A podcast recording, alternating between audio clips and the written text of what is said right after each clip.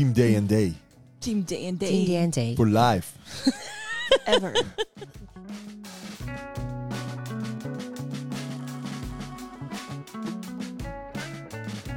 Welkom bij de Nieuwe Dokter podcast. Mijn naam is Anouk Oosthout en ik ben praktijkmanager bij de Nieuwe Dokter. En ik ben Jamie Moussavi, huisarts en praktijkhouder. Zorg, daar hebben wij het over. Niet te verwarren met de zorg.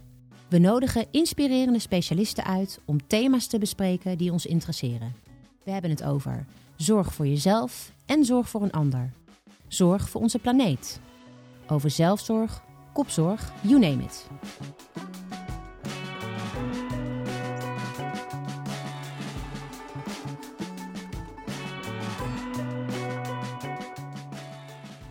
Go, go, go, go, go, go, go. Let's go. Oeh, we hebben vandaag een speciale aflevering. Waarom, Jamie? Nou, we dachten, ehm, wie zijn wij eigenlijk nou? Wie zijn we eigenlijk? Wie, en met wie bedoel je? De nieuwe dokter. Oh, Wat is dat nou? ja. Goed idee. Ja, dus we zijn vandaag niet met z'n tweeën, maar met ons hele... Hallo, hallo. En eh, ja, eigenlijk eh, gaan we het hebben over onszelf. Ja, hm, interessant vinden wij zelf.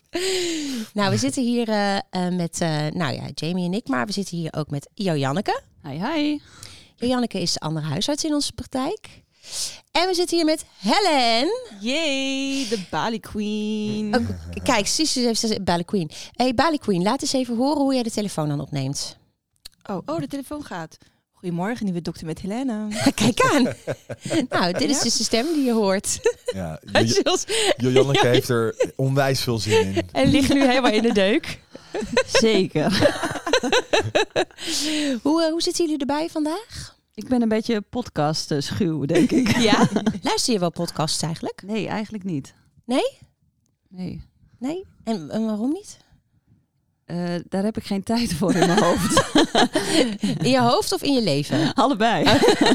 En jij, luister jij podcasts? Ja, ik luister podcast eh, over verschillende onderwerpen. Ja? Eh, maar die zijn dan relatief kort, dus 15 minuten, 20 minuten. Het zijn Duitse po- podcasts of over dinosaurussen. Dus het gaat alle kanten op. Duitse? Waarom Ja. Duitse? Om het Duits een beetje bij te houden. Oh ja, oké. Ook heel goed. En wat voor onderwerpen dan? Eh, weet je van alles en nog wat? Bijvoorbeeld ehm, over bijvoorbeeld wat ze dromen, over hun dagelijkse bezigheden, favoriete cocktails. Dan niet gewoon meer van die random podcasts over het leven van sommige, sommige zangers bijvoorbeeld of artiesten. en dan hebben ze van die leuke structuren in hun podcast. Moet ik dichter bij de microfoon? Ja, Maar ik heb zo'n lastige microfoon. Hallo? Oké, dat klinkt veel beter. ik ga wel hier zo. Het is zo moeilijk. Dat wordt soort ASMR-achtig nu. Maar goed, het is een beetje een introductie voor onze, eh, eh, voor onze luisteraars, voor onze patiënten, voor onze gasten. Wie zijn wij nou eigenlijk? Ja, nou. ehm, en het is best wel een mooi gezelschap, vind ik. Drie dames en, en, en, en, en, een jo- en een jongen van compleet andere eh, werelddelen. Dus, Ja. ehm, maar toch eh, verenigd in ons eh, visie van wat is nou zorg? Ja, en hoe wil je het graag eh, geven aan anderen? Ja. ja. En hoe zorg je voor jezelf? Ja. Hm. En ja, dus eh, laten, we, laten we het gewoon even hebben over wat we eh, doen. Waar we mee bezig zijn de afgelopen tijd. Ik weet dat ehm Helene is net terug van vakantie. Ja. Wil je iets kwijt over je vakantie? Het was heel fijn. Was heel nodig. het was heel erg lekker warm. En eh, dat was echt wel een moment van bijkomen eh, in de zon, op het strand. Even wat activiteit, even voor je lichaam zorgen. Even weg uit je routine. Dus eh, dat was heel erg fijn. En iets wat heel vaak toch niet naar mijn idee zo efficiënt wordt gedaan, vakantie nemen. Dat mensen toch naar vakantie gaan, maar nog steeds heel gestrest zijn. Om het leuk te hebben, om uitgerust te zijn, maar toch nog vermoeider terugkomen naar hun eigen land of naar hun routine. En hier heb ik eigenlijk wel gemerkt dat het heel belangrijk is om te deconnecten, om dan vervolgens weer te reconnect. Dus ehm, ik ben nu wel met je jetlagged. Dus ik probeer met je te reconnecten met eh, deze omgeving en met jullie allemaal. Want waar zat je? Voor, voor de luisteraars, jongens. Helene die gaat ongeveer elke drie weken op vakantie. Ja, maar één week. Jullie gaan gelijk drie maanden op vakantie naar elkaar. Ja, dat is wel waar. Ja, precies. Ehm, ik was in Aruba voor de carnaval. Ik heb carnaval gevierd in die parade zelf. Dat was heel erg leuk. Dat was echt een hele ervaring. Ehm, Eh, Heb je, had je ook een, echt zo'n carnaval, zo'n Ja, pak aan? ja, zo'n pak aan. Ja, met van die veertjes. en? Picture or it didn't happen. Nee, ze heeft, Oh, ja, ze heeft kijk nul foto's gestuurd naar ons. Ja. Nee, eh, ik moest echt deconnecten hoor. Ik heb gedaan alsof jullie niet bestonden. Nederland bestond niet, jullie bestonden niet. Bye.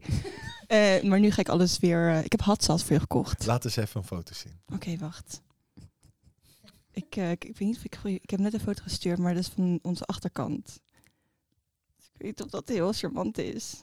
Oh ja, Ja, ik wat heb hier... cool. Ja, het was echt heel erg leuk. Heb je daar gesport ook? Nee. Vaak zie je mensen die dan... eh want jij, jij doet aan CrossFit. Crossfit en fitness. Ja. Ja. en dan eh, zie je dat mensen dan op vakantie ook nog eventjes een, een CrossFit sessie meepakken.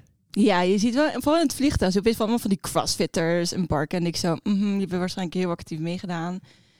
Maar ehm, nee, je ziet eigenlijk van eh, voornamelijk eh, mensen op het strand liggen. Of het zo zwemmen.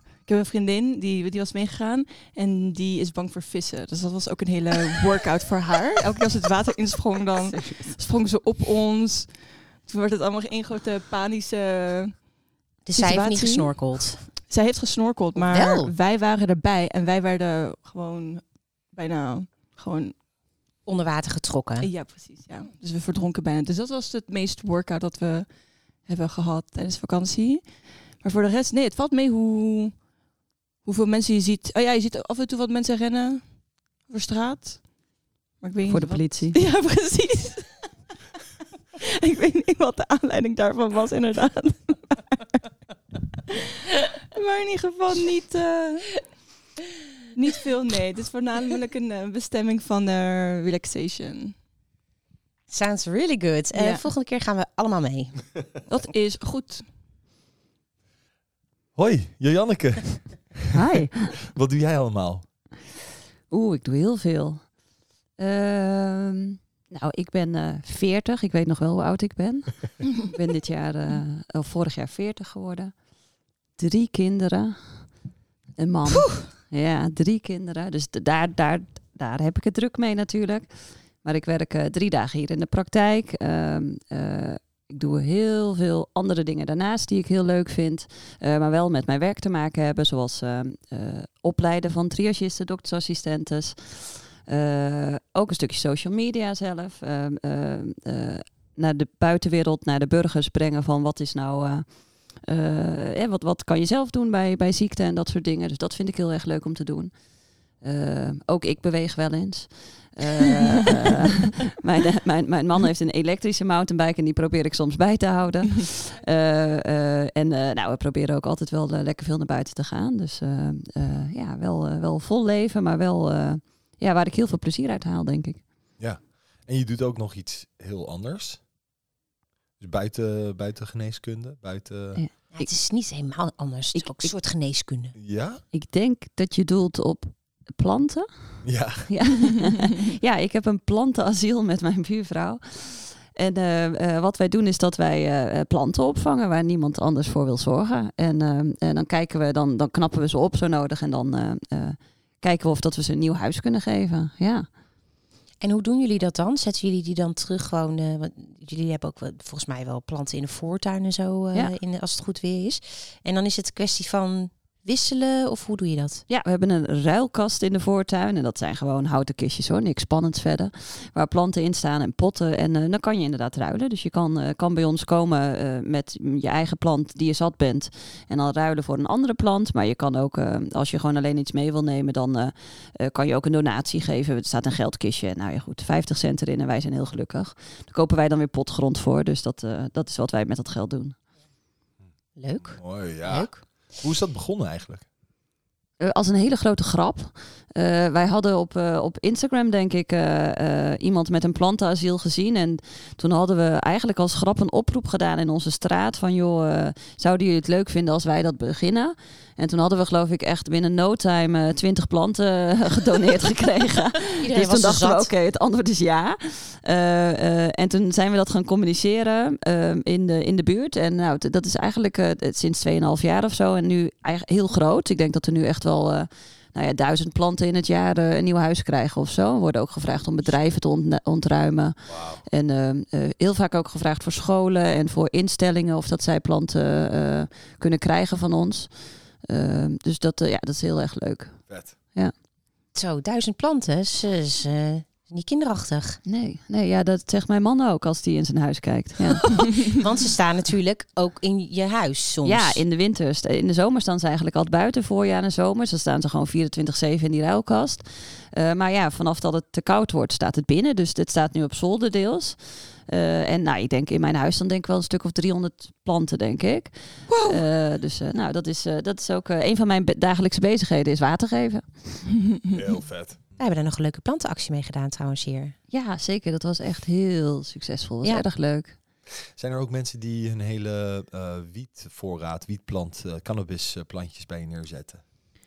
Nee, ik heb daar wel een leuke anekdote over. Let's go. Mijn, eh, mijn broertje, toen hij, eh, nou ik weet niet hoe oud dat hij was, niet zo oud was, had planten in onze achtertuin geplant. En eh, we vonden al wel dat dat wat, eh, wat geurde. Eh, maar mijn moeder, en ik was, nou ik had er helemaal geen idee van. Mijn moeder die was pas, eh, het, kwartje viel pas op het moment dat iemand s'nachts de toppen had afgeknipt. dat het wietplanten waren. Wat aardig dat ze een beetje snoeien. Ik heb ook een leuke anekdote daarover. Een goede vriend van me die heeft in Wageningen tropische bouw, eh, tuinbouwkunde gedaan. En ehm, super gaaf, dus met allemaal eh, plantjes kweken en dat soort dingen. Toen kreeg hij eh, een vraag, kan je ook iets van een eh, cannabisplantje maken, kweken, wat in Nederland gewoon buiten in de tuin kan groeien? Heeft hij allemaal kruisingen gemaakt. Toen had hij opeens een of ander plant. En dat was een soort monsterplant. Die, die, van bamboe, dat woekerde. die woekerde. dus hij kreeg echt kilo's, kilo's, kilo's. En ehm, ja, dus hetzelfde verhaal. Opeens eh, was die weg. Opeens had iemand het meegenomen. Maar het is ook... Ja, niet voor hier, denk ik, toch? Zo, eh, Zo'n plant, dat, dat, eh, je zit zo op elkaars lip. Dat kan je niet echt ehm, controleren en zo. Nee. Nee. In Zwitserland mag je gewoon wiet gewoon als een soort van tuinplant hebben. Je mag een hele oase daaraan hebben, maar je mag het letterlijk gewoon niet snoeien, niet roken, niet verkopen, maar je mag het hebben als een plant. En volgens mij groeit het daar relatief goed, want je hebt daar een beetje microklimaat. Klopt. Dus ehm, daar heb je Swiss cheese kush. Ja, je hebt ook kleren die ze daarvan maken en zo, toch? Ja, hennep. Hennep, hennep. Hennep, hennep klopt, kleren. Ja, ja. ja, ja. Ja. Hennep bamboekleren, hennepkleren, Ja, hennepzaad om te eten. oké. Zwitserland. Zwitserland. Een Zwitserland? Mooie, een mooie, een mooie hook. Daar kunnen we even over hebben. Zwitserland. Jij komt uit Zwitserland? Eh, Deels, toch? Geboren, getogen in Nederland, maar Zwitsers paspoort. Eh, mijn moeder is Zwitsers. Ik heb al mijn familie in Zwitserland wonen, deels ervan. Het Franse gedeelte bij eh Lac Léman, de lake van eh, Genève of het meer van Genève. Eh, met de mooie bergen, met de Franse Alpen als uitzicht. Allemaal heel romantisch. De Swiss Riviera. Och, Oef. Wat doe je Ja. hier? Wat, wat ik hier doe? Goeie vraag. Nou, ik, ik ben hier voornamelijk voor de nieuwe dokter. nee, ik, eh, ik weet niet wat jullie hebben, wat jullie kennen, weten of, of jullie ooit in Zwitserland zijn geweest. Maar ik vind de mentaliteit daar eh, eh, niet echt bij mij passen. Ze zijn heel erg gericht op eh, hard werken. Dan, heb je, dan pas heb je een, een, kwali- een hoge levenskwaliteit of kwaliteit van leven. En hier kun je wat relaxer tussen haakjes doen. Dus je kan ook parttime werken. Je kan, je kan meerdere jobs naast elkaar hebben, wat meer creatief zijn. En in Zwitserland is dat wat minder snel, of het wordt ook minder snel geaccepteerd. Dus vandaar dat ik voornamelijk in Nederland eh, ben. Ze zijn streng in Zwitserland. Ik ben Ja. één keer in Zwitserland geweest. Toen ben ik opgepakt door de politie omdat ik aan het zwart rijden was in de tram. Ja, de burgers daar zijn ook zelf eh, politie hoor. Die eh, spreken je aan. Ja, dat was ik gewend vanuit Rotterdam. eh, dat je best af en toe een metrootje kon nemen. Zonder controle, maar dat was, eh, het was één halte en toen hadden we al een bon. Echt? Ja. Oh, wauw. Oké, Zwitserland. Clockwork. Daar, ja, heel veel, heel veel eh, eh, hoe heet het? Ehm, eh, horlogemakers komen uit Zwitserland, toch? Ja. En, ehm, En chocola, en- oh, en kaas, en kaas. banken, Oh, en geld. alles is perfect daar. Geld komt uit Zwitserland. oh, het gat komt uit Zwitserland. maar ja, jij houdt wel van kaas, hè? Oh, kaas wat jij meeneemt. Jij neemt altijd, als je bij je moeder bent geweest, dan kom je terug met ehm vacuümverpakte kaassoorten. en ehm, een Gruyère l'Alpage. Alpage, ja. Oh mijn, dat is crazy. Ja. Mon Dieu, zeg je dan. Als niemand dat kent, Mon Dieu. ga naar je kaasboer, vraag om Gruyère uit Zwitserland. Of is, komt het alleen maar uit Zwitserland? Of zit het ook een beetje in de Franse Alpen? Nee, Gruyère is echt een, is een provincie in een, stad in, Eh, oh, in. Zwitserland waar het echt de Gruyère, originele, officiële Gruyère komt daar vandaan. Oké, Ik weet niet of je daar buiten ook, ik weet niet of dat een specifieke methode is, zoals dat methode champagne. Ik weet niet of je dat, dat van buiten die regio kan maken, maar als het uit Gruyère komt, komt het echt uit de regio Gruyère. ja. Ja, ook hoe ze dat zegt, hè? Ja, ja. dan klinkt het al lekker. En, en waar smaakt het naar voor jou? Gruyère? Oeh, het smaakt naar de koeien die bovenop die Gruyère, bij die Gruyère heb je zo'n kasteel dat op een soort van heuvel tussen de bergen. En dan heb je zo water, en dan heb je groen gas, en dan heb je zo'n heuvel, en dan heb je daar koeien gazen. Daar smaakt het naar. Oh, Ja, en Ja. de zon die zo dan, de zon die dan over de vallei zo ja. het groen verlicht en het water verlicht. En dan heb je zo. Jelle, jelle. The Sound of Music. ja ik, vind, Effect. ik vind het een beetje naar, eh, hoe heet dat spul? Ehm, parmezaan, maar dan een jonge parmezaan. Ja, klopt. Daar Minder, het. ja, Klopt, ja, het heeft een zo'n minder harde kaas. textuur Ja. ook. Oh, Ja. Ja. Vind je ook lekker, Anouk? ja, ik hou ook wel van kaas. Ja. Ja. Ja, Janneke. Ben je meer van de Gouda? Ze heeft net de kaas uit haar, eh, uit het de bakje te gegeten. Het eten. Oeh, wat is dat? Geen idee. Kaas. is gewoon een stukje van de appie. Een stukje eh, Gouda. Een echte kaaskop. Ja, dat kan je over de rest van eh, ons drieën niet echt zeggen. nee, ik ben de enige kaaskop zeker. Ja, Ik denk het wel. vertel eens daar wat Maar- over. Maar jij, jij bent ook een beetje een kaaskop, toch? Ik bedoel, Ja, eh, ik ben half. eh, ja, iets meer dan de helft kaaskop. ja. Om te precies te zijn, 69 Nee, eh, nee, ik ben 69% West-Europees. Dus dat is dan ook nog weer. Ja. Oh. Ja. Of is het Noord? Nee, Noord-Europees, sorry. Noord-Europees. Noord-Europees. Noord- 69% Heb je daar zo'n DNA-test voor gedaan? Ja, ik heb zo'n My Heritage test gedaan. Ja. Ik kwam dus- er iets uit waarvan je dacht van, huh? Ja. 0,1% Native American. Maar jij ziet er 100% Native American uit. ja, I look like... eh, Pocahontas. Ja, nou, ik wist dat je dat ging zeggen. ja. ja, dat vond ik wel echt heel verrassend. De rest verraste me niet zo. Noord-Europese niet en het, eh, eh, en het, het Aziatische, van Indonesië, Sri Lanka, een beetje zo die hoek. Maleisië, dat, dat, dat eh, verraste me natuurlijk niet. Maar die 0,1% Native American, dat vond ik wel heel bijzonder. Ja. Wauw. Dus eh, ja. Heb jij ooit zo'n test gedaan, Jamie? Nee, maar ik ben wel heel benieuwd. Ja. 100% pure Persian blood. Nee. Nee, dat bestaat. Ik denk niet dat dat bestaat. Nee. Ik denk dat het eh, op, op die zijderoute dat je veel ehm ja, invloed. eh, tenminste, weet je wel. Buitenechtelijke avonturen had. Nou ja, goed. eh Ch- Genghis Khan. Volgens mij heeft iedereen wel een deel van een soort. eh, toch? Uit, eh, waar kwam die vandaan? Eh, Mongolië? Of, Ja, eh, ik denk ja? ook Mongolië. Iedereen heeft wel een deel ehm Mongol, Mongol, Mongols. Mongol Mongolisch. DNA. Mongols is dat volgens mij, ja. En, ehm, en dat komt omdat hij ja, de helft van de wereld had. eh, Veroverd. anyway, we gaan verder. Ja, als er Janneke is bijgekomen, dan gaan we door. Oké. En ehm, oké, dus ehm, eh, Maar gaan we het niet over jouw roots hebben dan? nou ja, het kan. Ik bedoel, eh, Iraans. Ik ben Iraans. Eigenlijk, eh, ja, mijn ouders komen uit Iran. Ik heb daar tot mijn derde gewoond.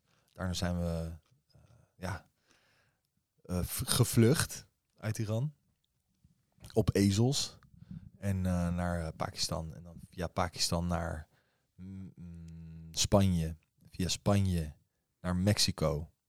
En dan weer eh, een grens over gesmokkeld.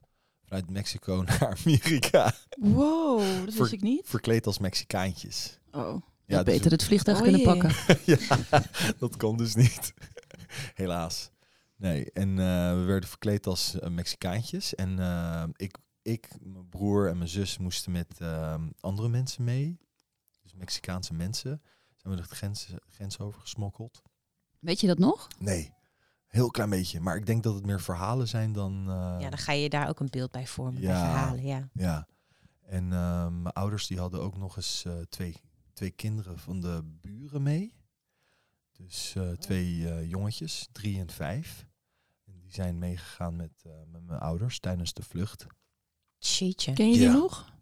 Eh, ja, die wonen in Canada nu. Allebei eh, volgens mij eh, tandarts. Wow. Dus eh, ja, in Canada. Maar Ja. die zijn dus eigenlijk een beetje daar in dat continent blijven hangen. Juist. Maar jullie niet. Nee, nee. Mijn pa kon geen eh, werk krijgen in, eh, in Amerika. Want ehm, hij kreeg geen werkvergunning. Ehm, en toen zijn we... m- Zijn broer woonde in Nederland al heel lang. Toen zijn we naar Nederland gekomen. Ehm, in Oesgeest beland. Daar had je een ehm, soort ja, een AZC, maar dat noemden ze een... eh, dat, dat bestond nog niet echt toen. Eh, toen had je een zendingshuis. Dan werd je geplaatst in een zendingshuis. Dus we kwamen bij ehm, missionarissen en eh, ja, nonnen en priesters. Een heel groot huis in Oesgeest. Mega mooi. Dat kan ik me heel goed herinneren. Ja. Hoe oud was je toen inmiddels? eh, Ik denk 3,5 zoiets. 3,5, 4. Ja. En, ehm, nou, en dat was één groot avontuur. En we zaten daar met eh, gezinnen uit Rusland, Afrika, Azië, noem het maar op. Allemaal eh, en ook andere Iraanse mensen. En we, ko- en we zijn daar ingeburgerd. Ja, met pindakaas. Zelf pindakaas smeren en ja, dat soort witlof kregen we te eten daar. Oh, wauw. En eh, ja, stampot, weet ik veel. Allemaal stampotten moesten we maken samen met de machine. Het was heel gezellig. ja. Het is echt heel cool. En ehm, ja, een beetje blijven plakken in, eh in Oesgeest. ja. Maar ook, die- wel, maar ook wel heftig, want ik, ik werk ook als, ehm, als regiearts, hè, als telefoonarts voor de asielzoekerscentra. En dan hoor je ook wel echt hele akelige verhalen. Ja, ja ik ken dus, eh, we hebben één podcast opgenomen met Flowerboy. Die jongen heeft volgens mij in, eh, samen met zijn broer en zijn, en zijn familie, ze- hebben ze in zeven verschillende AZC's gezeten. Ja, precies. Dus telkens verhuisd. Ja, ja andere tijden. En hier kon je vader dus wel aan het werken. En inburgeren en... eh, Ja, Ja. ja. dit, dit ging goed. Ja, sommige.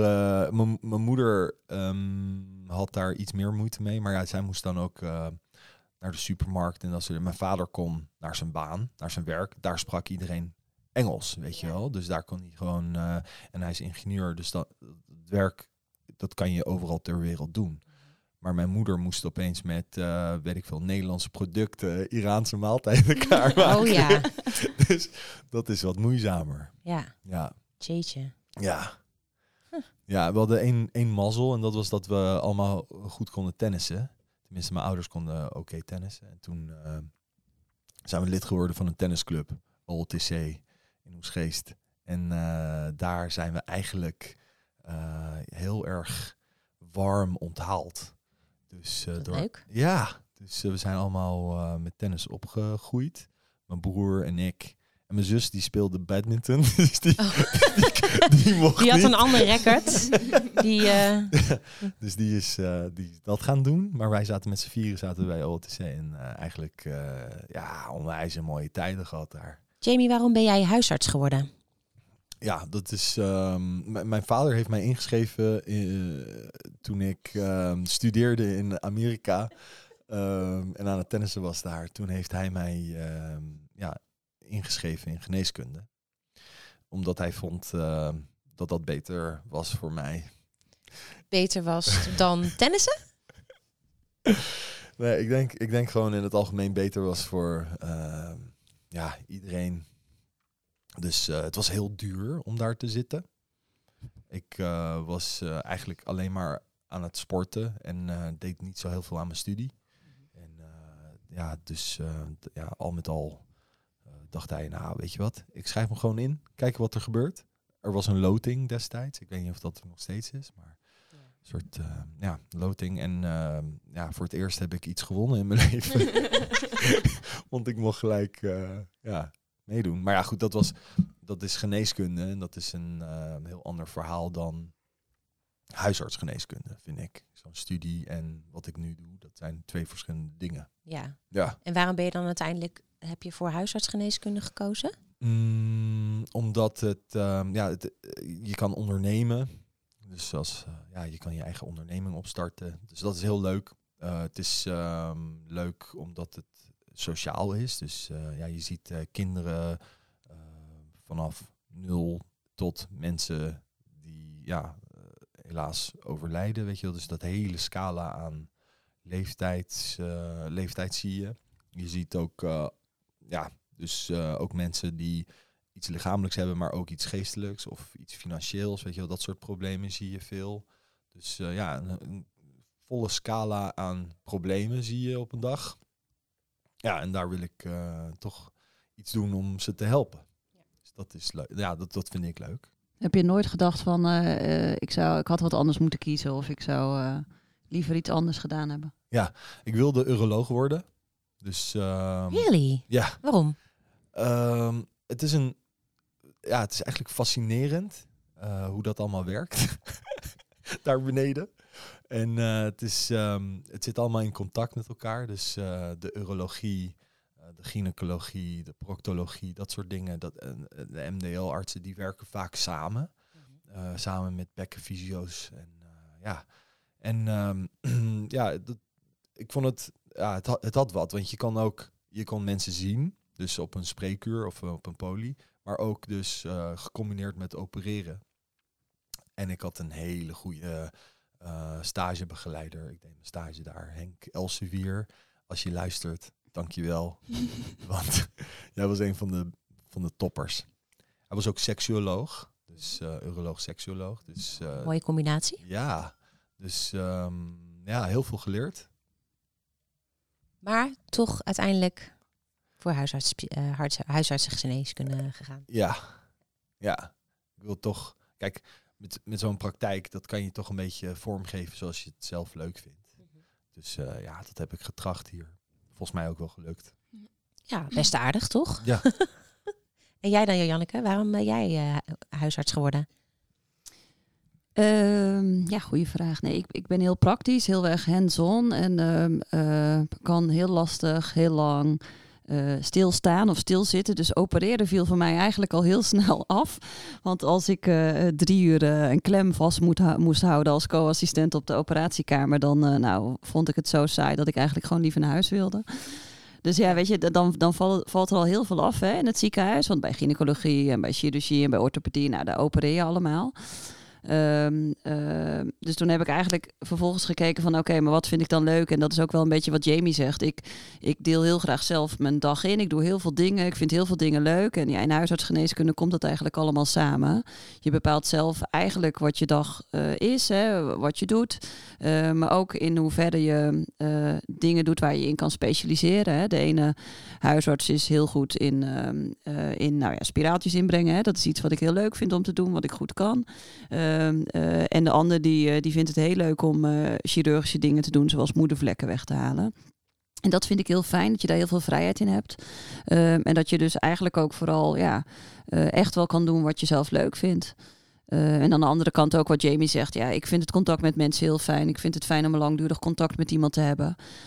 Ik vind het heel bijzonder om een sterfbed te mogen begeleiden. Eh, eh, maar ook om er echt te kunnen zijn voor iemand. En soms alleen maar door te luisteren. En dat, dat vind ik het mooie aan ons vak. Soms hoef ik helemaal niks te doen. Eh, praat ik alleen met iemand. En ja, heb ik daardoor wel iemand geholpen. En dat, dat vind ik heel bijzonder. Ja, en jij, jij doet, je zegt je bent praktisch en heel hands-on. Dus, want ik weet dat jij ook hem spoedzorg is, zegt specialisatie van jou. Dat, dat heeft daar denk ik ook alles mee te maken, toch? Ja, ja klopt. Je hebt eh, als huisarts de keuze of de, de kans om je te specialiseren. Eh, dat heet kaderopleiding. Dan ben je een kaderarts en ik ben kaderarts spoedzorg.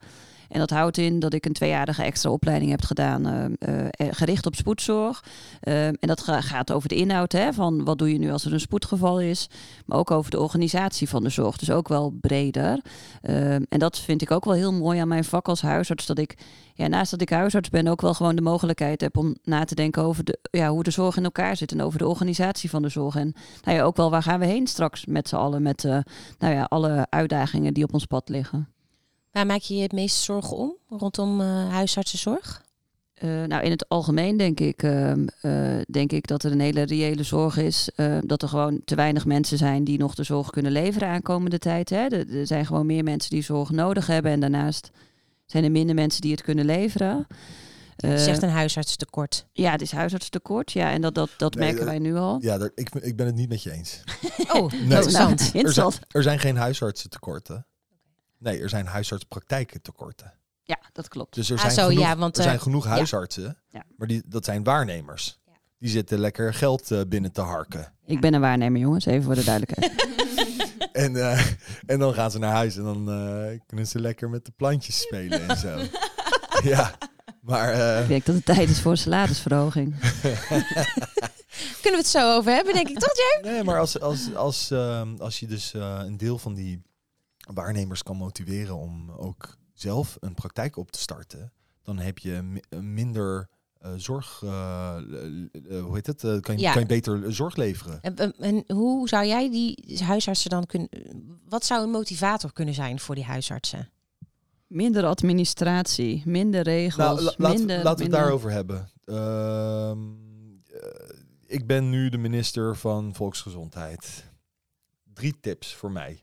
Kom maar door. Drie tips. Oh, voor jou. Ja, ik, eh, ik zit zeg maar niet zo diep in de huisartszorg dat ik daarover wat, wat kan zeggen. Maar wat zou jij dan zeggen tegen de minister van Volksgezondheid? Nou, ik denk eerlijk gezegd dat ik met de minister wel een beetje uitgebabbeld ben. Eh, Want die heeft niet bepaald bewezen dat hij, eh, dat hij denk ik heel erg open staat voor eh, eh, het inzien van de problematiek die er op dit moment is. Eh, maar, wat, wat even serieus, wat heel erg zou helpen, is dat eh, het praktijkhouderschap makkelijker gemaakt wordt. Dat er minder regels zijn, dat er minder hoepels zijn waar je doorheen moet springen. Ehm, ehm, en de- dat houdt heel veel waarnemend huisartsen tegen om, eh, om praktijkhouder te worden. Oké, dat is één. Ja, dat is denk ik Is huisvesting ook een probleem? Zeker, huisvesting is een gigantisch probleem. Hè. Dat hebben we recent nog gezien hier eh, in onze regio met, eh, met een van de praktijken waar wij, waar wij ook mee samenwerken. hè. Ehm, eh, die moesten alle minuten een pand uit en ja, konden gewoon niks anders vinden. Ehm, maar dat zie je ook in, ehm, in eh, ja, andere praktijken in de grote steden. Het is onwijs duur. Ja. Huisvesting is onwijs duur. En eh, als het al überhaupt beschikbaar is. Ja, wij hebben zelf hier ook een eh, huurverhoging gehad. 14,5 procent. Ja, dat, dat is moeilijk. Ja, Ik gaat je niet in de koude kleren zitten? Nee. Dus oké, eh, twee, huisvesting. Eén was eh, Dat het gemakkelijker gemaakt wordt? Ja, dus minder bureaucratie. Ja. Twee, huisvesting. Drie, Nou, ik denk dat, dat wat, wat mij persoonlijk nog heel veel zorgen baart, is dat ehm, eh, tegenwoordig mensen niet meer zo goed weten waar ze terecht kunnen voor zorg. Eh, dus dat mensen niet weten waarvoor je een huisarts belt of waarvoor je, naar, of waarvoor je 112 belt. Eh, en dat dat echt wel ook een deel van het probleem is. Hè? Mensen die ehm, eh, bellen als in mijn ogen soms eh, de huisartsenpost of die gaan naar een spoedeisende hulp terwijl ze ook ergens anders zorg hadden kunnen krijgen. En dat zorgt echt voor verstopping van de zorg, hè? oneigenlijk gebruik van de zorg. En wat ik heel fijn zou vinden als de minister daar ehm, meer nadruk op zou leggen. En niet wat mensen niet moeten doen, maar dat wij mensen met z'n allen kunnen vertellen van oké, hoe zit je lijf in elkaar? Wat moet je doen als je oorpijn hebt? Wat moet je doen als je hoofdpijn hebt? Wat zijn alarmsymptomen? Dus ik zou heel graag een soort ja, basis ehm, eh, willen voor mensen al op de basisschool, denk ik. Van joh, wanneer neem je nou een paracetamol en wanneer bel je nu een dokter? Ehm, eh, en ik denk dat dat, eh, dat dat heel waardevol zou zijn. En ook gewoon van, nou ja, wanneer ga je nu naar een huisarts? Hè? En wanneer eh, heb je een ambulance nodig? Gewoon heel basic. Hoe werkt dat nou, het gezondheidsstelsel in Nederland? Eh, maar ook hoe werkt mijn lijf en wat kan ik zelf doen? dus twee, twee weken lang paracetamol. En als het niet beter is, terugkomen. Dat, ik, dat advies heb je nog nooit gegeven, denk ik. Hè? Maar- nou, maar serieus, we lachen erom. Hè? Maar, maar dan ben ik aan het werken op de huisartsenpost. En, en nou ja, dan is het echt heel. Dan hebben we het echt, nou, ja, echt wel pittig. Hè? Want dan komt er gewoon, nou ja, elke, elke paar minuten zie je dan een patiënt. Ehm, eh, en dan, dan krijg ik iemand op mijn spreekuur die één uur oorpijn heeft. Ja, weet je, ik, ik vind dat lastig. Want ehm eh, het meeste oorpijn gaat vanzelf over. Ehm, en dan, dan ben ik daar tien minuten be- mee bezig om dat uit te leggen. Terwijl ik ook iemand anders had kunnen helpen die wel echt zorg nodig heeft. ja. En dat, dat vind ik best ingewikkeld. En ehm, eh, dat is ook de reden dat ik zelf ook een. eh, ehm, een eh, ja, hoe heb ik dat toen genoemd? Ik weet eigenlijk niet meer hoe dat ik het heb genoemd. Maar een, een, zeg maar een vragenuurtje heb gehouden. Gewoon voor, voor iedereen die dat wilde. Dus voor niet-zorgverleners over kinderen met koorts.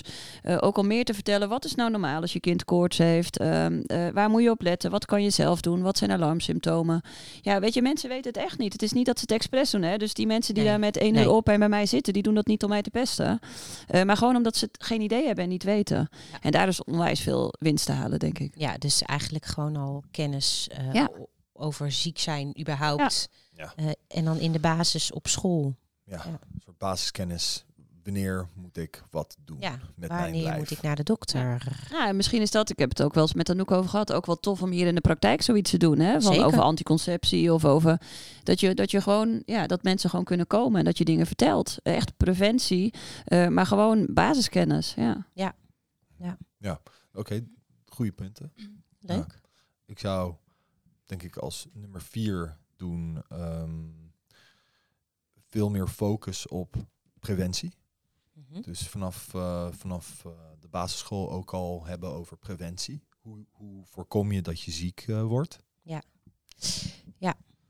Dus ehm, ja, gezonder eten, gezonder bewegen, meer focus voor zelfwaardering. Ja. Dus die drie dingen. Ik denk dat dat, eh, ja, dan kan je enorm veel leed later eh, ja, eigenlijk voor zijn. ja. en ehm, ja, ik denk dat eh, die kennis daarover hè, al vroeg krijgen dat dat goed is.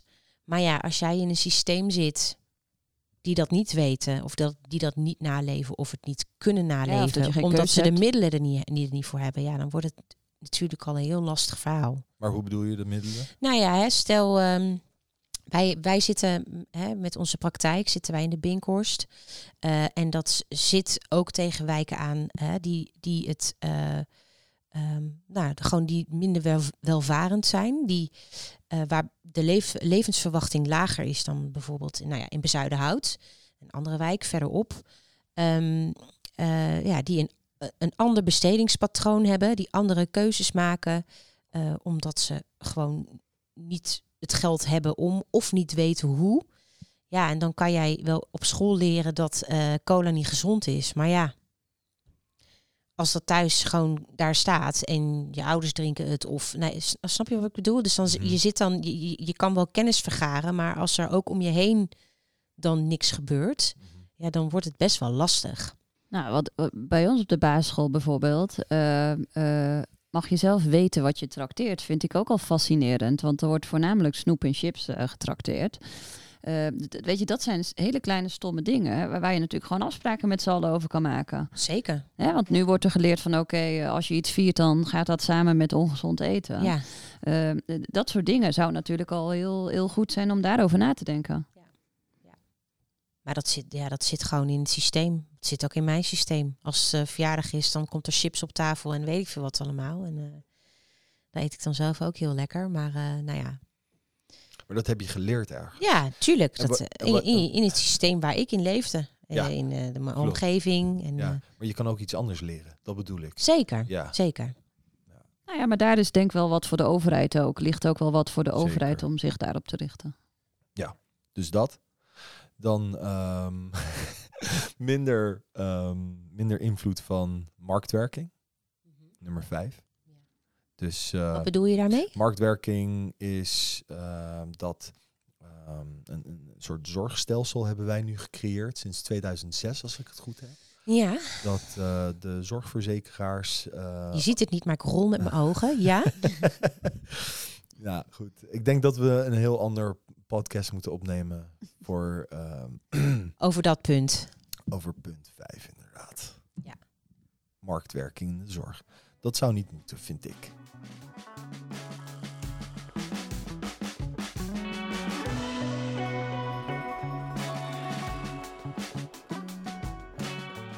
Ik denk ook dat dat lastig is, want jij bent natuurlijk als nulpraktijk gestart hier mhm. eh, met een bepaalde visie. Ik denk dat als jij een huisartsenpraktijk hebt met eh, 15 huisartsen, je kan niet zomaar even zeggen, oké, ik ga het hele roer omgooien. Want dat betekent dat je waarschijnlijk de helft van je, van je huisartsen gaat ontslaan. Eh dat is gewoon. Dus ik denk dat je dan al ergens op de trein bent gestapt, zeg maar, en er niet meer af kunt. Mhm. Ja, en niet eens voor je huisartsen, maar je patiënten zijn ook wat gewend. Hè? Ja, dus, dus zeker. de, de, de- wij kunnen dit nu doen, denk ik, omdat onze patiënten niet anders weten. Ehm, en ehm, als je al eh, 30 jaar ehm, eh, een andere manier hebt van hoe dat er met je omgegaan wordt. eh, waarbij ik overigens eh, eh, wel wil benadrukken dat paracetamol voor heel veel dingen helpt. En dat heel veel dingen vanzelf overgaan. En dat er ook echt zeker eh, best wel eens wat tussen je oren zit.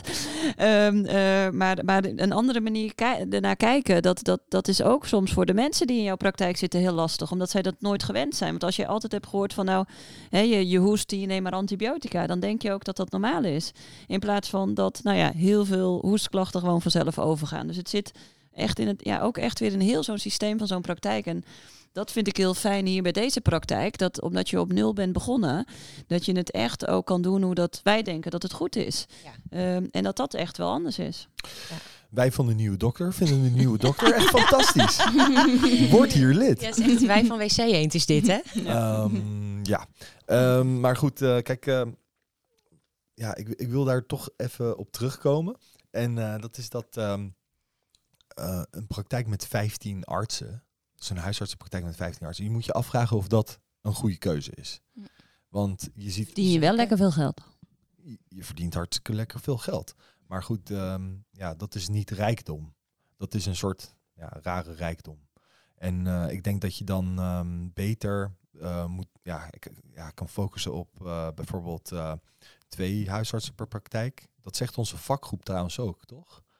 Dat we twee, eh, maximaal twee huisartsen per praktijk.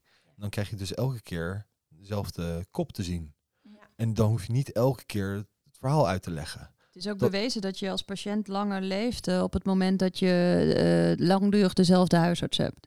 Oh, nou, Ja, maar dat is natuurlijk ook heel lo Dat is toch, ik bedoel, ja, bedoel, hoeft toch geen wetenschappelijk om. Dat is toch logisch Nee. dat je, je kent iemands verhaal. toch? Je hebt, een, je, hebt een band met iemand, weet je wel. Dat is, Boe- dat is echt je huisarts. boerenverstand, toch? Ja, het is eigenlijk een beetje, wel. Ja, nou goed.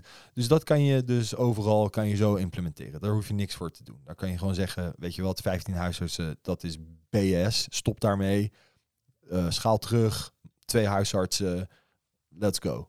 Dan kan je ook zeggen, eh, in plaats van 10 minuten per patiënt, zien wij patiënten 20 minuten. Of laten we zeggen 15 minuten.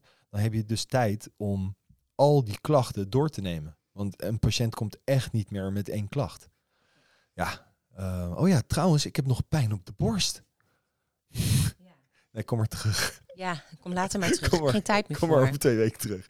Nee, dat kan niet. En dus eh, ja, dus je kan beter iets meer tijd hebben per patiënt. Nou, wat heb je, wat heb je daarvoor nodig? Daar, dan moet je gewoon je agenda anders indelen. Ja. Klaar. Wat nog meer? Wat was de vraag eigenlijk? Zullen we de minister een keer uitnodigen? Wat een goed idee. Ja, ja, moet ik even wat beter nog weer mijn huiswerk doen dan, denk ik. Helen, waarom vind jij het leuk om hier te werken? Ehm, nou, het begon eigenlijk. ehm, ik, was dus, ik heb de hotelschool in Scheveningen gedaan. En dat is Business Administration. En ik heb toen gemerkt dat ik ehm, zelf. eh, ja, ja, bij, tijdens die opleiding dat heel erg gericht is op dus business management, eh, allerlei modellen. Dat het eigenlijk heel weinig te maken heeft met de mens. Met, eh, met de ontwikkeling met de mens, met de gezondheid. Is meer met gezondheid van het bedrijf, profijt maken. En toen heb ik een personal training ehm, diploma daarnaast gehaald.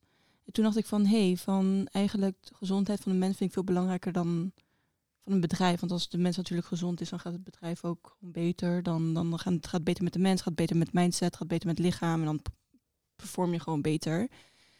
En toen was ik bij mijn vorige huisarts. En ik was daar heel ontevreden, want het was maar één klacht per, per consult. En het was echt vijf minuten. En hij kende mij sinds zijn geboorte, maar elke keer vergat hij mijn naam, noemde hij mij Jill. Dus ik zei, oké, nou, never mind, is oké. Oké. En ehm, toen zag ik een een krantartikel in volgens mij Den Haag Centraal over Jamie. AD. Oh, AD, AD, ja. En hij had het over natuur en preventie en ik las het. Ik, weet, ik las de krant. Hm. En toen dacht ik van, wow, wie is deze dude? Wie is deze huisarts? En jij stond op de foto, maar ik kwam niet door dat jij het was. Maar het was een ronde tafel. Hij had normale kleren aan met planten. En ik zo, hey, dat ziet er heel toegankelijk uit. Preventie, natuur. Ik zo, mm, dat, dat, dat, ligt echt bij mijn waarden. Wat ik heb geleerd bij eh, van mijn ouders, maar ook van, van meer van de personal training. Want dat was ik een beetje verloren tijdens de hotelschool. Want dat verlies je een beetje. En uh, toen, ging ik, uh, toen ging, heb ik me ingeschreven bij Jamie. Toen kwam ik bij de praktijk aan, nog bij Move. En ik zo, oh, oké, sketchy building. En ik zou aankomen en het was allemaal bij jouw praktijk toen ik binnenkwam. Zag ik zo hout en ik zag koffiemachine en uh, er was niemand, maar waren leuke kleuren. Dit paarse blauwe kleur. Dus ik zo, oh wow, waar ben ik terecht gekomen? Maar het ziet er heel erg leuk uit. Heel chill, niet dat steriele, weet je wel, heel erg steriel ruikende kamer of Ja, ja. witte muren. Dus ik zo, ik zo zit, ik zo, oh, ik voel me hier wel goed. Toen kwam uh, ja, zo'n soort van lange Aquaman kwam uit de kamer. Zo van, hey, ik ben Jamie, uh, kom er zo aan. Toen ging hij weer naar binnen met zijn fans. En ik zo, oh, nou, is dit de huisarts? Ik zo, wat? Je loonsverhoging. Ja. Waar gaat het over? Okay. Um, en um, ja, toen op, op, een gegeven moment kwam er dus een, uh, een was je op zoek naar een, naar een praktijkmanager. Klopt. En toen heb ik gesolliciteerd. Toen heb ik jou niet aangenomen. Nee, toen is het niet Thank geworden. God, hoor. Sorry. Want echt, ik bedoel, Anouk is echt God's gift. En dat meen ik. Ik zou echt niet hebben gedaan wat Ah. zij allemaal doet. En ik ben blij dat ik haar en jullie ondersteun. Want zonder jou, ik, nou ja, in, in ieder geval. En um, toen, thank God, heb je me daarna aangenomen. En toen, uh, ik was heel erg blij. En toen was je ook al hier naar Mercuriusweg ja. verhuisd. En toen was het nog uh, boomer, de hele praktijk. En toen kwam deze Alice in Wonderland kamer erbij. Toen kwam Janneke erbij. Ja. En altijd gewoon de normen en waarden van deze praktijk. En waar, waar de nieuwe dokter voor staat, dat daar, daar, daar sta ik heel erg achter. Ik ben heel erg gemotiveerd. Ik ben heel erg blij. Ik, letterlijk, het is de eerste baan waar ik niet zeur over mijn werkgever, over... Mijn ego is weer gestreeld voor een dag. Ja, het is um, maar goed, we moeten wel een paar mensen bedanken. Ja. Toch? Want uh, zonder, zonder bijvoorbeeld Tulin... Ja, voor van, deze kamer van, bedoel je? Voor, van Le. Ja, Le New, ja. Ja, zeg ik het goed? Ja, volgens mij wel. Ja, zij heeft uh, allebei de praktijken heeft zij gedesigned. Ja. Dus, Als interior designer, ja. Wauw, echt ja. chapeau. Um, Vilja um, is een plantenzaak. Vilja. Mhm. Die is volgens mij... Die is weg nu. Die is nu Ja. weg, maar die heeft alle planten verzorgd. Vanaf nu naar het plantenasiel in Voorburg, mensen. Kijk aan. Ja. Um, Abel van Abel Meubels. Die heeft al onze houtwerk uh, uh, gemaakt. Dus alle, ja, alles van hout heeft hij getimmerd. Als je ooit een timmerman nodig hebt, hij zit vol tot juni. het, is, het is nu. Jammer joh. Het is nu februari. Serieus. Goed. Um, en wie nog meer moeten we bedanken? We moeten bedanken Cas. Cas van Koten. Ja. En, um, voor website en. en, en uh, ja, juist. Voor de allerlei... al, algemene ondersteuning ja. van onze praktijk. Cas, dankjewel. En uh, Pushplay voor, uh, ja, eigenlijk uh, werkte Cas bij Pushplay, maar nu eh, heeft hij zijn eigen kantoor. En Pushplay heeft dus ook veel gedaan voor onze ja, logo, noem het maar op. Ja, look en feel, missievisie, teksten toch ook? Klopt, ja, klopt. Voor de website. Klopt. Nou, een kunstwerk gemaakt door Steve van Bovenen. Onwijs mooi. Wat nog meer? Onze collega's. Ja, dus iedereen... en dan bedoelt ze de andere zorgcollega's. Want we hebben hier, ik weet niet of mensen dat weten. Ja. Maar we zitten hier niet alleen met een huisarts, maar we zitten hier met een verloskundige, met acupuncturist, met een psychiater, een psycholoog, logopedist, podotherapeut, diëtist, uh, diëtist uh, ja. personal trainers, een ja. ademcoach, ademcoach, ja. ja. Ik denk dat ik uh, fysio's, fysiotherapeuten. Fysio's. Dat was het denk ik. En een hypno, hypnotiseur. Hypnotherapeut. Hypnotherapeut. Ja, nog, ja. Ja. Ik loop daar altijd met gesloten ogen loop ik daar langs. Ja? ja. Onder hypnose bedoel je? Anders, anders krijg ik, anders word ik gehypnotiseerd en dan klink ik als een hond opeens op zondag, weet je wel. Dan Het hoor je is Rasta Rostelli niet. hoor je zo'n bel en dan... Huh, wat zeg je, Jamie? Hebben jullie dat niet op zondag? Ja, soms. Oké. Anouk, Ja, we moeten het even over jou hebben. ja, ja. Dat wil je weten. Ja, ik weet dat jij uit Deventer komt. Klopt. Geboren en getogen tot mijn 24ste, ja? 24e. Toen ben jij, ehm, eh, toen heb je in Enschede gestudeerd. Mm, Nee. Nee, niet echt. Waar? Zwolle? Zwolle, sorry, Ja. Zwolle. Ja. Media en journalistiek. Journalistiek, ja. Journalistiek. School of Media heet het, heet het heel zo, maar het was gewoon geschreven pers. Wauw, oh, ja, vet. Ja. En toen ehm, naar Amsterdam verhuisd. Ja. En de grote wereld ingestapt. Ja, ja ik dacht, ik, ik bedoel, eh, niets ten nadele van regio-kranten, maar daar zag ik mezelf gewoon niet echt eh, mijn ding doen. Nee. Ik eh, had meer het, mijn oog op ehm, eh, de magazinewereld. En eh, ik heb ook stage gelopen bij een magazine, dat heette Reisrevue toen de tijd. Ehm, en dat was een reisvakblad, dus eh, voor de reisbranche. En ehm, uiteindelijk ehm, heb ik daar zeven jaar gewerkt. Dus ik heb best wel veel gezien van de wereld. Want ik ging dus op reis om verslag te doen van die bestemming. Inclusief hotels, accommodaties en dergelijke. Dat was heel leuk. En ehm, eh, toen op een of ander moment kwam via een van mijn hele goede vriendinnen kwam de festivalindustrie op mijn pad. Eh, of ik een keertje gastvrouw wilde zijn bij een festival op de NDSM-werf. Dat was echt allemaal nog heel erg houtje touwtje met drie podia die eigenlijk dezelfde kant op bliezen met hun geluid, weet je wel. Maar het was wel de voorloper van Faltifest uiteindelijk wat nog steeds bestaat. Het was echt een, eh, eigenlijk het begin van de groei van festivals. Want er waren er al een aantal, zoals Dance Valley, weet je wel, Mysteryland. Maar dat is echt eh, de, de, het jaar geweest eh, en de jaren daarna van, nou ja, echt de wildgroei die er is ontstaan in Amsterdam en daaromheen. En dat was heel leuk en daar heb ik dus tien jaar in gewerkt in die industrie. En je, je hebt ook een keer, tenminste niet één keer, maar meerdere keren als doorbitch gestaan. Eh, bij, Nee. bij festivals. Nee, nee, en ik was mensen niet. geweigerd, Nee, ik of was, niet? nou, ik heb wel zeker mensen geweigerd. Hoe want zie jij eruit? Ja, nee, nee, nee dat, was niet, dat was niet daarom. Het was gewoon omdat ze niet op de gastenlijst stonden. Ja, simpeler kan ik het niet maken. En volgens mij moet je dan ook niet komen met verhaaltjes bij jou. Zeker niet. Nee, nee, nee. Ik heb hele... Nee, ja, nee, zeker niet. Ja, nee, dat was een leuke tijd. En dat heb ik... eh, dat, ja. Ik heb in de tijd van reisrevue eigenlijk het coördineren en dat heb ik heel leuk gevonden. Dus en dat zat ook weer in de festivalindustrie, echt coördineren van hè, wat doen die artiesten, wat hebben die allemaal nodig aan materiaal om te kunnen draaien, wat hebben ze nodig voor zichzelf en de entourage om een leuk feestje te hebben. Champagne, wodka, nou, noem de hele rattenplan maar op. Blauwe, blauwe... Blauwe en eh, M&M's. Nou ja, bijvoorbeeld. Weet je, er stonden altijd hele gekke dingen op die riders. Bijvoorbeeld aanzichtkaarten of zo van de stad waar ze dan waren. Maar dat was eigenlijk gewoon meer ter controle van... hebben ze die rider überhaupt wel gelezen? Ah, Ik natuurlijk als eh, beste, beste kind van de klas. Ja, en die had dat natuurlijk allemaal geregeld. Tot aan de krassloten en, eh, en de, en de to- sirenetoeters en zo, ja. dus dat. dat is leuk werk. Maar, maar even, zeven jaar reizen, tien Ja. jaar festivals. Ja. Ja, Ja, dan en is het wel de overtreffende trap dat je nu hier zit. Ja, toch? Ja. Nou, ik ben bewust daar gestopt in de festivalindustrie, want ik vond het heel leuk, maar ik vond het op een gegeven moment hard werken voor heel weinig. Ik werd gewoon ouder en ik dacht, ja, ik heb hier gewoon niet zoveel trek meer in. En dat was een goede keuze. Want ik vind het nog steeds leuk. En als ze me nog eens vragen om een keer een dag te helpen, zal ik dat ook altijd doen. Maar de, de, eh, de input die je krijgt en de prikkels zijn echt zo intens. Ik kan dat gewoon na, na krijgen kind en corona kan ik dat gewoon niet meer aan. Krijg, kan ik gewoon echt niet meer aan. en ehm, hoe vind je het? Hoe vind Ja, je ik vind het leuk hier. Ik vind het leuk om ergens mee bezig te zijn wat anders is en wat bijdraagt eh, aan nou ja, de mens, eh, gezondheid van de mens, het welzijn.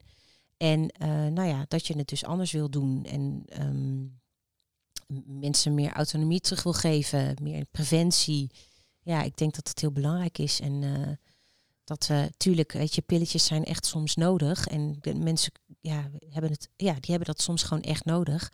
Maar ja, misschien kunnen we wel kijken hoe we dat dan zo min mogelijk kunnen doen, weet je wel. Ja. En dat vind ik gewoon wel, de, die instelling hebben jullie beide, Ja. volgens mij. Van oké, wat kunnen we, wat kan jij zelf doen en waar kunnen wij bij helpen?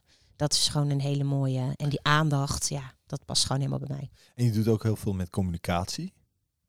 Je bedoelt eh, met de nieuwsbrief en dat soort dingen? Of Ja, nieuwsbrief, maar ook eh, ja, e-mails naar patiënten toe, Ja. maar ook via social media. Ja. Dit, dit is ook een soort communicatie, toch? Ja, Eh, nee, wat dat betreft zeker. En de podcast maken natuurlijk. Ja. dat zijn allemaal dingen die dan toch weer terugkomen. Ja. Je, je doet veel op de website. Dus al met al, weet je, komt het coördineren en het textuele komt hier heel erg samen. Ja. Vet. Ja. Who, who would have thought bij een huisartsenpraktijk? Ja, maar ja, ik denk niet dat dat bij elke huisartsenpraktijk zo is. Nee, ik denk ook dat mensen hier binnenlopen en niet doorhebben dat het een huisartsenpraktijk is. Nee, nee. dan denken ze meer van, eh, dit is een soort start-up, een tech-start-up. Ja. Toch? Ja. Zo'n zo'n vibe. Zijn we ook wel een beetje. Ik bedoel, uiteindelijk willen we natuurlijk ook 120.000 luisteraars. Maar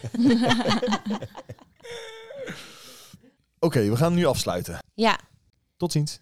Dag. nee, dank jullie wel dat jullie hier wilden zitten. Eh, misschien ook met een klein beetje tegenzin. nee, ik vond het leuk om, eh, om jullie even ook voor te stellen aan, eh, aan de wereld. Ja, vond je het echt leuk? Nee, ja, zeker. Ik vond het zeker even leuk. En eh, nou ja, eh, als je geluisterd hebt, eh, dit is ons team. En ehm, als je het leuk vindt en je woont bij ons in de buurt, want we werken op postcode, dan eh, kun je je bij ons inschrijven als patiënt. Wees welkom. Ja, www.nieuwedokter.nl. Team D&D. Team D&D. Team DNT. Voor live. Ever.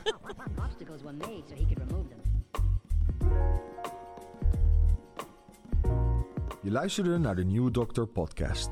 Volg ons op Spotify voor updates over nieuwe afleveringen. Ook op Instagram, Facebook en LinkedIn is de Nieuwe Dokter te vinden. Heb je naar aanleiding van deze aflevering vragen? Schroom niet en mail naar info@nieuwedokter.nl.